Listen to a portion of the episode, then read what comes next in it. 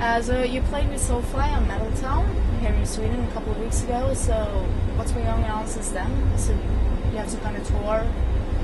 Uh, yeah, it was uh, Soulfly's on a European tour.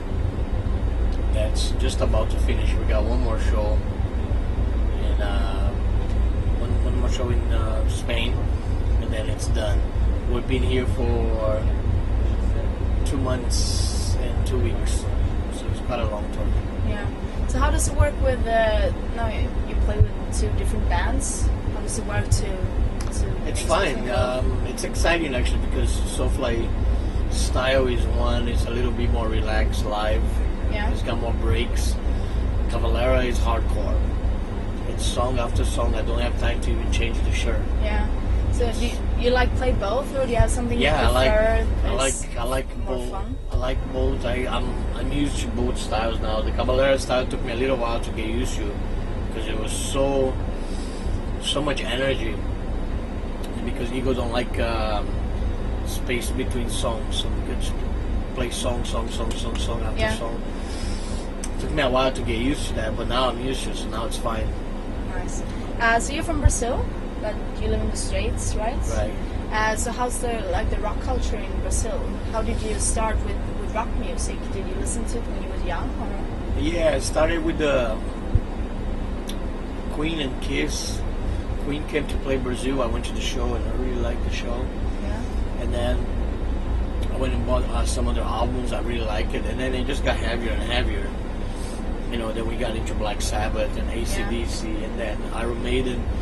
And then finally the thrash metal came in. So Slayer, Exodus, uh, Metallica. That's where we formed Sepultura.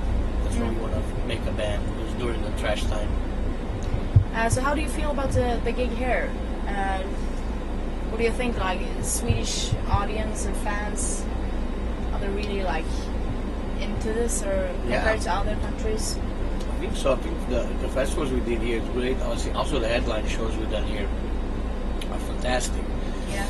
Really uh, exciting uh, crowd. Really, uh, really good. They drink a lot, which is good. I always say the more you drink, the better we sound. You know, I say that to the crowd sometimes. You know, so it's cool. I like being here. Nice. Uh, so what's up with Cavalera Conspiracy? Do you have something going on? Like, what, can we look forward to? Well, a new album coming out beginning of next year. Yeah. We just finished recording uh, about uh, two months ago. It was done in California, and Yeah. uh, it's really exciting. It's really uh, it's a really aggressive album. It's uh, 14 songs, really in your face kind of songs. Some of them are short, like a minute, a minute and a half, so it's Yeah. really kind of hardcore. We also had the singer of Agnostic Front singing one of the songs called "The Lynch Mob." Yeah. that turned out really cool. We're just doing now the artwork and uh, stuff like that. Just, Yeah. just finali- finalizing the material for the album. So the new album now is it another kind of style, or is it a lot like the old, old albums? I think it's faster. It's faster and more aggressive than the first one. So it's uh, more brutal. So we're going heavier with Cavalera. So it's good. Nice. So I hope the gig goes awesome tonight, and I really want to see you. And I have to thank you a lot for your time. Thank you. Thank you very much.